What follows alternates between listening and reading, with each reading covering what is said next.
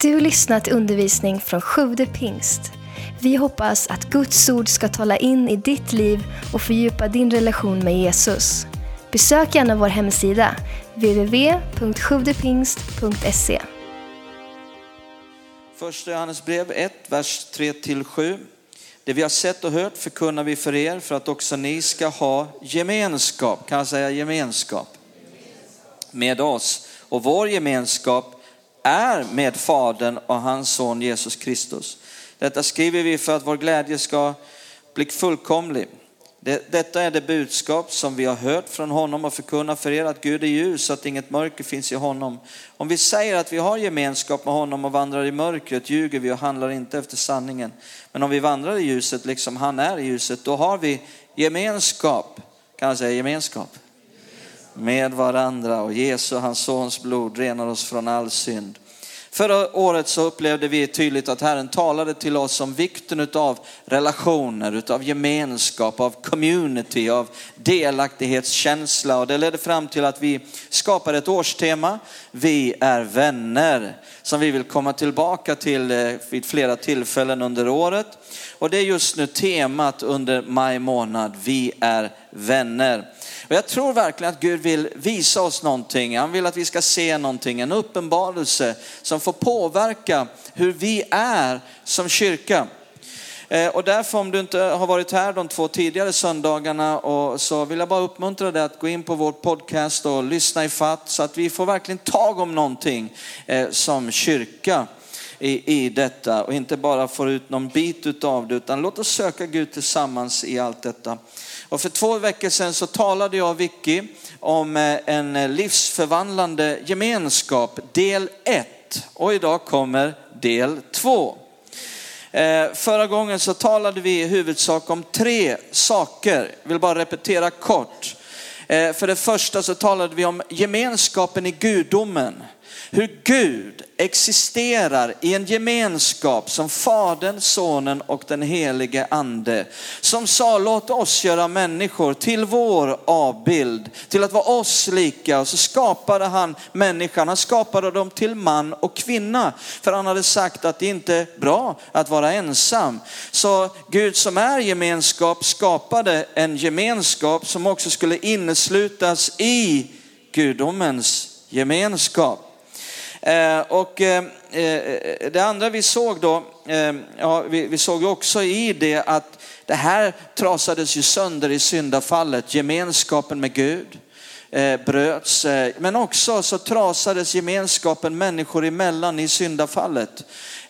Den gemenskap Gud hade tänkt av, av intimitet, av ärlighet, av öppenhet, utav Eh, eh, eh, det var något som försvann, det var något som bröts och synden skapade en distans mellan människan och Gud, men också människor emellan.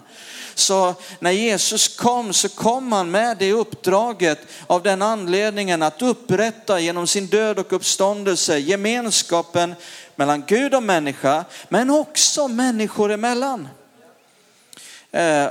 Och, och, och sen såg vi också förra gången att människor söker gemenskap därför att människan är skapad till likhet med gudomens avbild som är gemenskap. Så därför finns någonting i människan som människan söker. Och dels så finns det tomrum som bara Gud kan möta. Men det finns också tomrum som bara andra människor kan möta. För vi är skapade på det sättet. Och det är det som Gud vill upprätta genom Jesu offerdöd på korset. Men också upprätta genom sin församling på jorden idag. Eh, och, och sen såg vi också någonting ytterligare, att Gud genom oss vill forma en trygg och accepterande gemenskap. Att man kan veta att när man sluter sig an till gemenskapen att jag kommer inte att bli dömd och klubbad i huvudet och slagen på en gemenskap som är baserad på nåd och gemenskap. Det dundrar här framme. Ehm, nåd och generositet behöver vara grunden för hela gemenskapen. Eh, där vi tillsammans möter ett liv som är svårt. Är ni med? Det är det som vi talade mycket om och därför så talar Jesus och Guds ord överhuvudtaget så mycket om behovet att vi måste förlåta varandra. Vi måste vandra i kärlek. Det är inget förslag ifrån Jesus, det är en befallning, det är nya förbundets bud som allting hänger på. Du vill ha bönesvar i ditt liv, om du vill ha med Gud att göra som är kärleken, om vi vill ha någonting att fungera överhuvudtaget som Gud har tänkt, så är det här en befallning. Att lyda, att älska varandra som jag har älskat er, sa Jesus.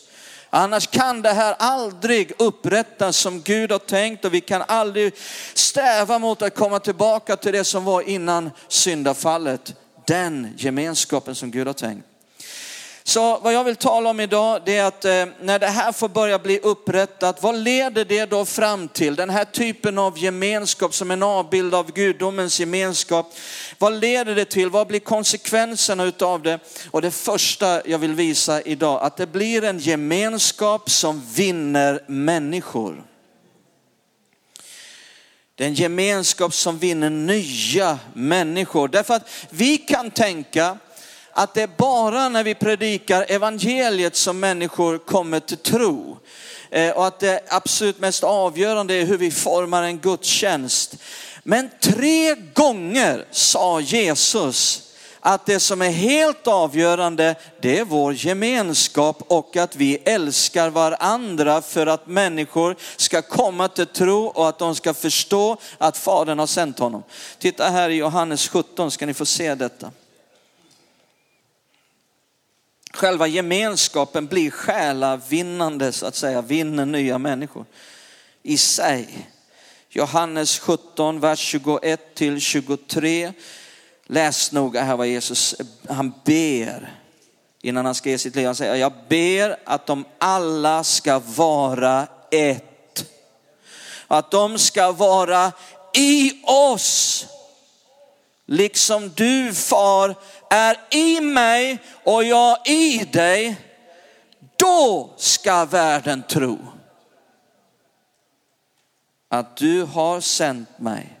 Och den härlighet som du gett mig har jag gett till dem för att de ska vara ett, liksom vi är ett. Gud vill upprätta en gemenskap där nya människor får känna att de kliver in som i en härlighet.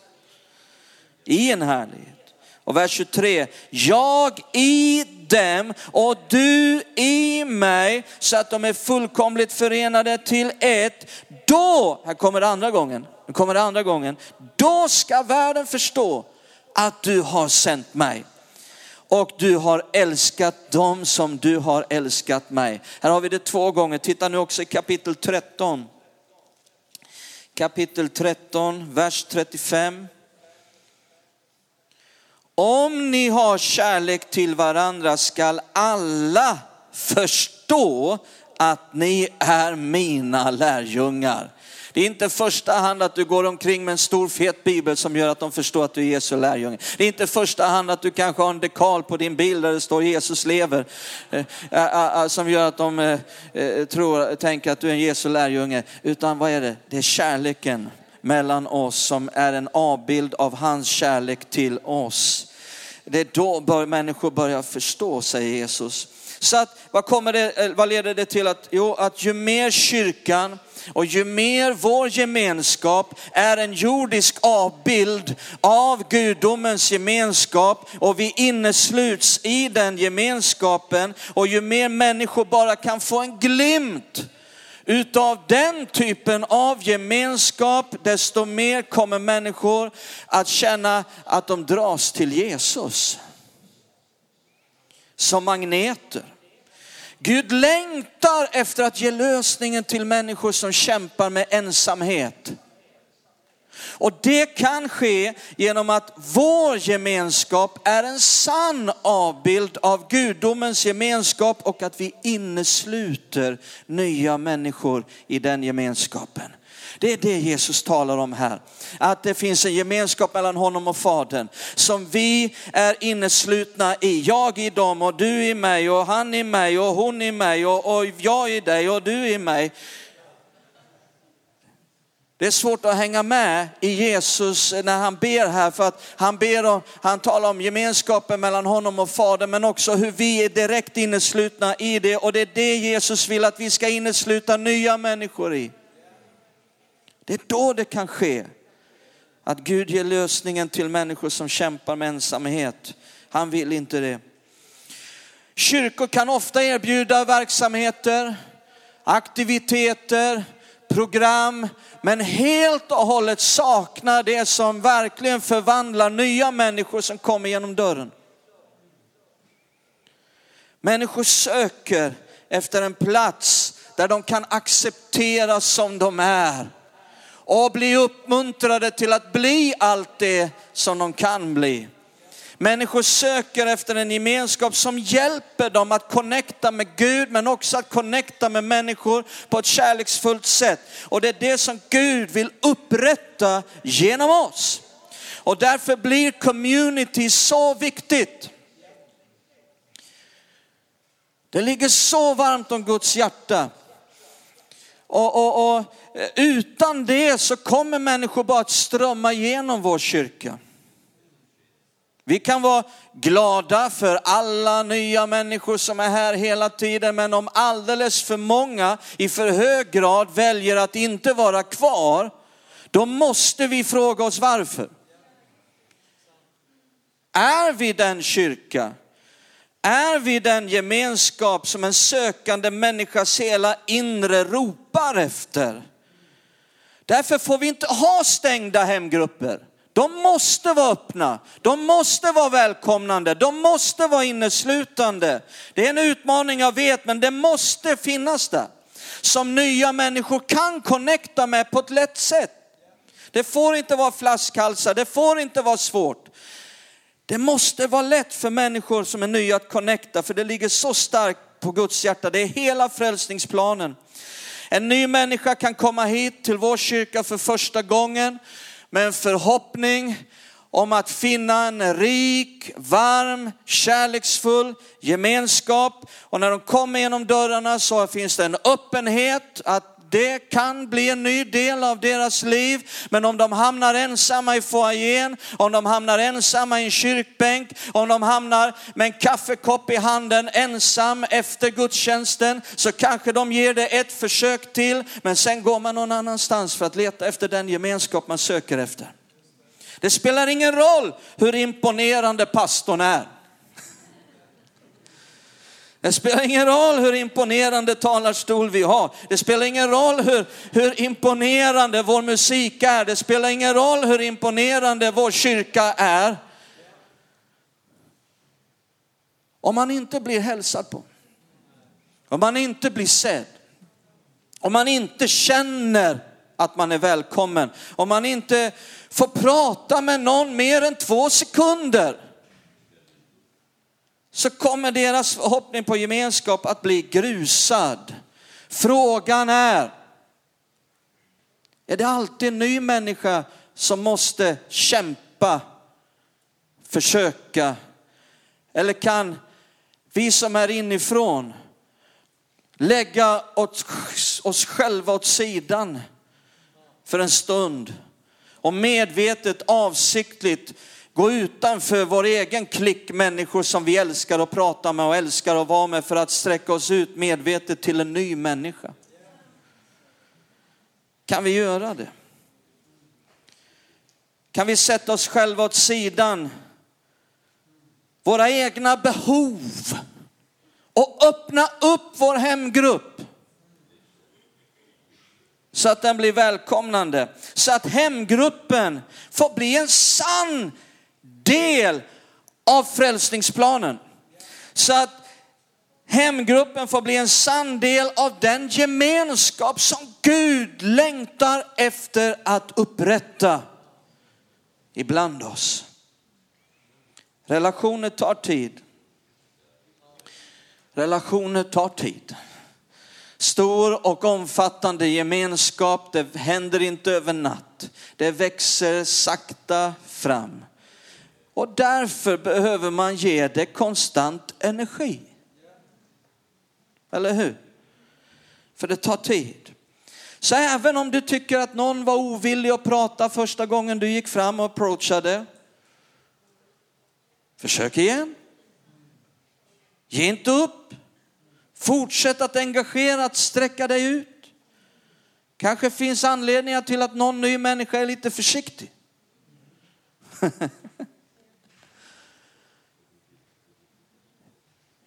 ja, men vad får jag ut av det? Jag tyckte Simon gjorde det så bra här ute. Vi hade vår samling, han pratade om Ananias när han skulle gå till Paulus som förföljde församlingen. Han var ju ytterst tveksam att gå till Paulus.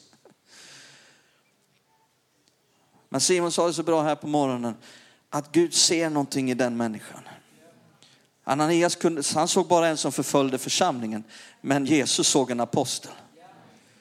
Det kommer hit nya människor, Gud ser något i dem. Jesus ser något dyrbart i dem. Han vill hjälpa oss att se det. Wow. Så fortsätt sträck dig ut. Naturligtvis, man ska inte vara för pushy, man ska inte vara för liksom eh, försöka övertala en ny människa att göra det de inte vill och, och vara påtvingande. Men fortsätt att ställa frågor. Fråga hur, hur har veckan varit? Var kommer du ifrån? Var bor du? Vad jobbar du med? Vad är, vad är du intresserad av? Inte så att det låter som ett korsförhör.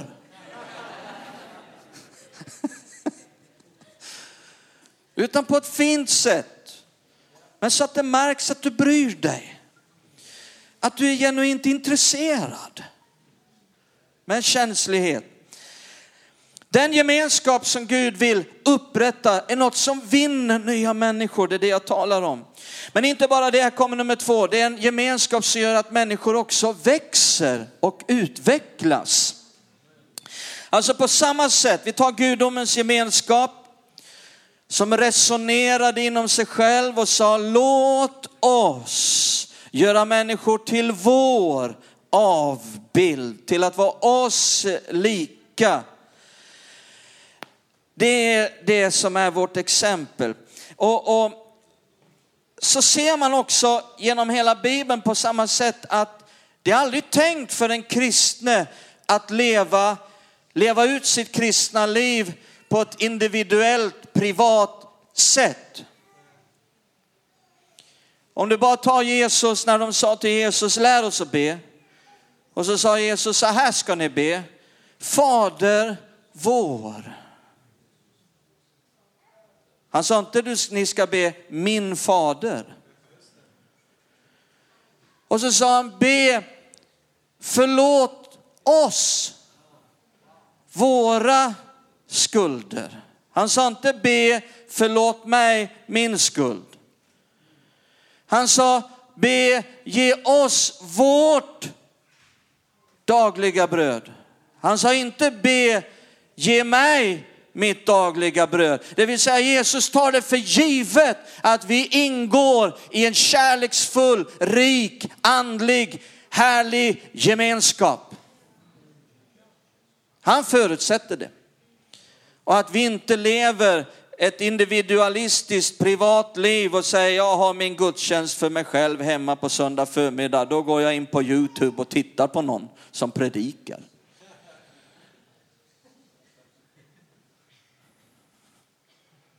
Sen finns det anledningar, jag säger inte det. Det finns de som inte kan komma, som önskar att de skulle få komma. Det är inte det vi pratar om. Utan det är de som ska söka något privat, Lone Ranger, ensam varg, jag klarar mig själv. Det, det förutsätter hela Bibeln och Jesus att det håller vi inte på med. Därför att vi behöver gemenskapen. Vi behöver det, lura dig inte. Ehm, så vår uppgift som kyrka är då inte att bara hjälpa människor i deras egen individualistiska vandring i tro. För att människor, om människor ska bli exceptionella kristna så behövs en exceptionell gemenskap. Så är det. Eh, och när en människa kommer till tro, Bibeln är klar med att när man då döps, då döps man in i en gemenskap. Eh, till att connecta, till att tillhöra, till att förenas med andra människor. Det tar Bibeln för givet att det är ett insteg i en sån gemenskap, i en sån community. Och därför så blir det så viktigt för vår kyrka att forma, att skapa en miljö. Där den gemenskapen kan fungera, där den kan blomstra. Och det här kan inte bara vara ledarnas uppgift.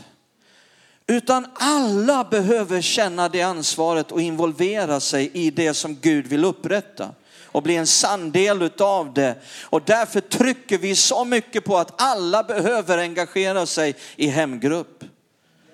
Men därför behöver vi också jobba med våra hemgrupper och utveckla dem. Vi kommer komma tillbaka till det efter sommaren. Jag tror att vi kommer att ha hemgrupper alla dagar i veckan på alla möjliga ställen så att det kommer kanske inte längre att heta hemgrupper för att det kanske inte alla möts i hemmen. Det heter hemgrupper för vi, vi tänker man ska sitta i en soffa och man ska mötas i ett hem om det, på onsdag kväll liksom och fika och be och läsa Bibeln tillsammans. Det är jättebra, det funkar för de flesta. Men det funkar inte för alla. Så någon kanske connectar på ett annat sätt. Eh, eh, eh, har, har en, en stark andlig gemenskap med andra någon annanstans, någon annan dag i veckan, på ett annat ställe där det inte ens är hemma. Och jag tror att vi behöver i vår värld, i de, den kontext vi lever i, så behöver vi tänka lite out of the box. När vi tänker gemenskap och att connecta. Så att alla kan vara med. Vi kommer tillbaka till det efter sommaren. Men i Nya Testamentet så finns det 54 ställen där ordet varandra står. Varandra, varandra, varandra, varandra, varandra vandrar genom hela Nya Testamentet. Exempel är älska varandra och förlåt varandra. Exempel är uppmuntra varandra. Till goda gärningar står det. Var barmhärtiga mot varandra. Ett ställe står det uppbygg varandra på er allra heligaste tro. Det står inte att pastorn ska uppbygga alla. Hallå? Kan du säga amen? Det vore skönt för mig. Pastorn får vara med. Halleluja. Men det står inte att pastorn ska uppbygga alla, det står uppbygg varandra. Så mycket mer kan hända när det blir varandra i en kyrka och inte pastorn som ska frenetiskt springa runt som ett skållat troll och leka häxdock, nej, eh, medicinman. Ja, ni förstår liksom i sådana här klaner och byar som finns på olika håll, liksom, då finns det någon slags mystisk figur. Som är den, den som alla, det är bara han som kan göra något. Förstår ni? Nu, nu pratar vi om en värld som inte vi relaterar till eller ens vill ha. Men vi vill inte ha liksom någon sån figur som är den enda som, som har någon kraft. Är ni med? Vi vill ha Jesus. Vi vill att han ska vara huvudet och han ska fungera genom en kropp där vi alla får vara med och pastorn får vara med. Är ni med? Varandra. Varandra. Och så står det överträffa varandra, står det i hedersbevisning. Det står på ett ställe, bekänn era synder för varandra. Det stod inte bekänn era synder för pastorn. Jag ser inte någonstans i Nya Testamentet där det står.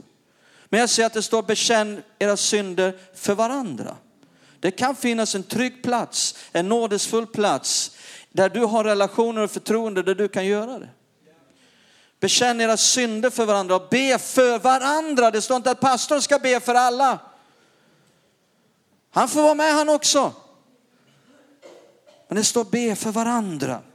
Titta här i andra Korinthierbrevet 9, vad vi talar om är en, en gemenskap som gör att man växer och, och utvecklas. Andra Korinthierbrevet 9.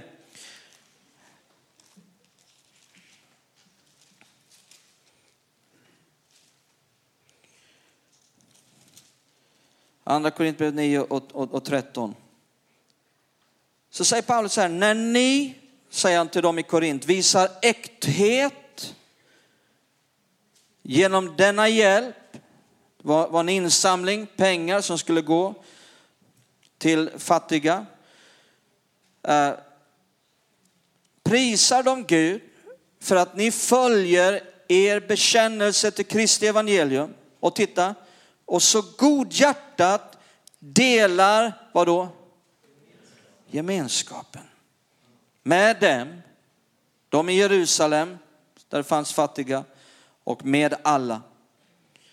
Så deras insats i att ge generöst i den här insamlingen för att styrka andra i en gemenskap, det säger han, det, det, han säger det är beviset på äktheten i gemenskapen. Det är att ni stödjer, att ni ger bistånd, att ni går in med och styrker upp det som är svagt. Det är beviset. Så vad vi talar om är en gemenskap som styrker, en gemenskap där man kan växa, där man kan utvecklas, där bistånd och stöd till varandra är det som visar på äktheten. Allra sist så vill jag visa på en gemenskap som producerar. Och så har vi bibelstället i Johannes 15 som är vårt huvudbibelställe för, för det här året. Där vi hittar årstemat Johannes 15, vers 14 och 15. Där Jesus säger, ni är mina vänner om ni gör vad jag befaller er. Jag kallar er inte längre tjänare, för tjänaren vet inte vad hans herre gör. Jag kallar er vänner, för jag har låtit er veta allt som jag hört av min far. Vänner kallar jag er, ni är mina vänner. Men, men lägg märke till att det här handlar om någonting mer än att bara vara polare. Alltså det, det, det, ingår i gemenskapen att vara kompis, att vara polare. Det är helt, det är fine, det ingår. Men det finns någonting också, det finns någonting mer också. Och det är det Jesus talar om här. Så i den här texten handlar det inte bara om att vara vän i meningen kompis och polare. Därför att vad Jesus säger här, det är att ni är mina vänner om ni gör vad jag befaller er. Och hur många här skulle säga till en kompis, du får vara min kompis om du gör allt vad jag befaller dig.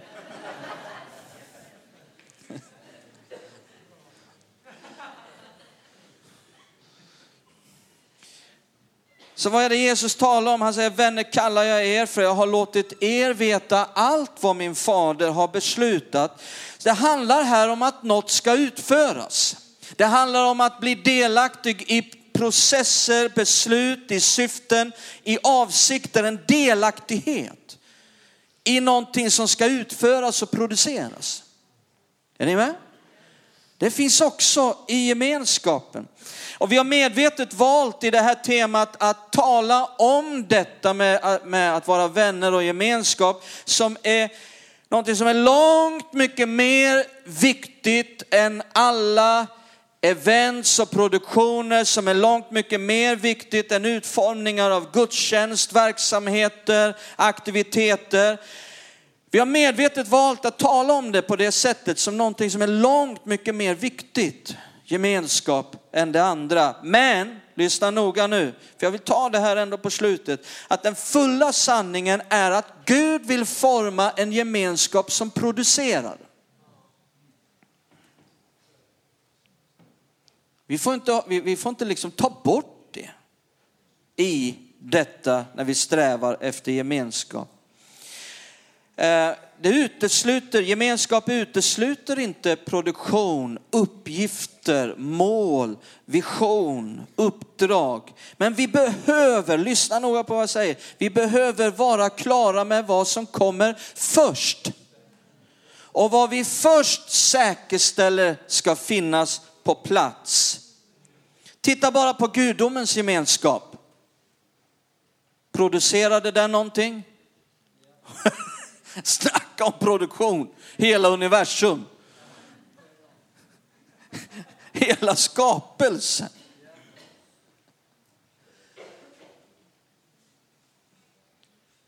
Har ni några bilder där? Har ni skippat dem? Jag hade ju en del, ja. En gemenskap som producerar talar vi om.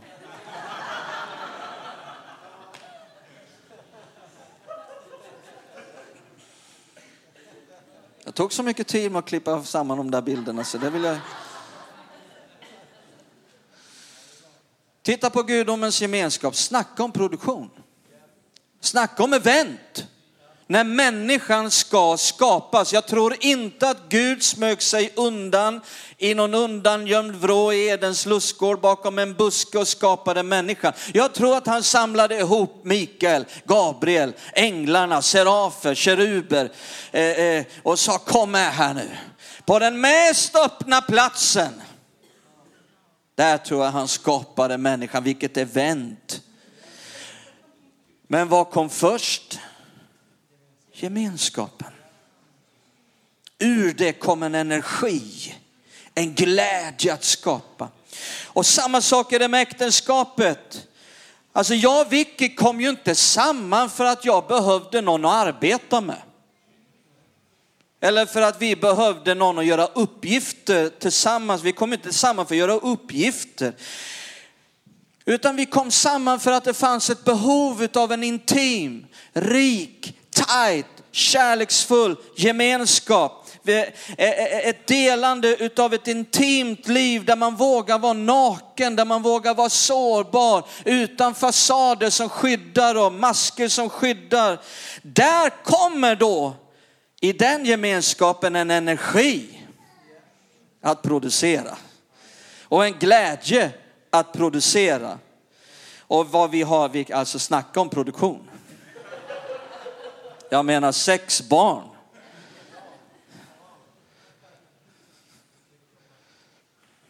Men vad kom först? Gemenskapen. På samma sätt måste det vara en kyrka gemenskapen först. Och kvaliteten på den gemenskapen är det som avgör energin i produktionen. Glädjen i det vi sen gör tillsammans utav visioner, strategier, uppgifter som vi ska jobba tillsammans med. Och därför säger vi, vi måste prioritera delandet av livet tillsammans med våra medledare, tillsammans med alla som är med och tjänar i kyrkan. Och därför så vill vi utveckla också att i den gemenskapen finns en rikare känsla av delaktighet i processer, vad som beslutas, vad som planeras. Det är det som Jesus talar om i den här texten. Där finns energin. Där gör man, att man känner att man vill vara med. Ska vi stå upp tillsammans? Låt oss bara ta en liten stund inför Herren ta det här ordet till oss var och en. Låt oss ta en liten stund i bön. Ta en liten stund i bön. Låt det här ordet tala till dig personligen. Kanske du kan forma en enkel bön och utifrån vad, vad du upplever att Herren talar till dig om. Vad blir ditt, vad, vad, vad blir ditt steg i detta? Finns det ett nytt steg för dig att ta? Finns det en ny attityd för dig att ta? Finns det en ny prioritering för dig att göra? Finns det något gensvar? Får det betyda någonting för dig när du går härifrån, när måndagen kommer, när veckan kommer, när nästa söndag kommer, när, när vi fortsätter? Kanske du kan forma din känsla, din tanke omkring detta i en bön just nu och säga Gud, det här vill jag säga. Det här vill jag uttrycka. Jag vill gensvara. Du har gett mig ljus över någonting. Jag vill gensvara. Och det gör vi bäst i bön med några enkla ord. Och de orden får forma någonting som Gud vill göra genom oss, genom den här kyrkan, genom vår gemenskap. Tack för att du lyssnat. Glöm inte att du alltid är välkommen till vår kyrka. Du hittar mer info på www.sjuvdepingst.se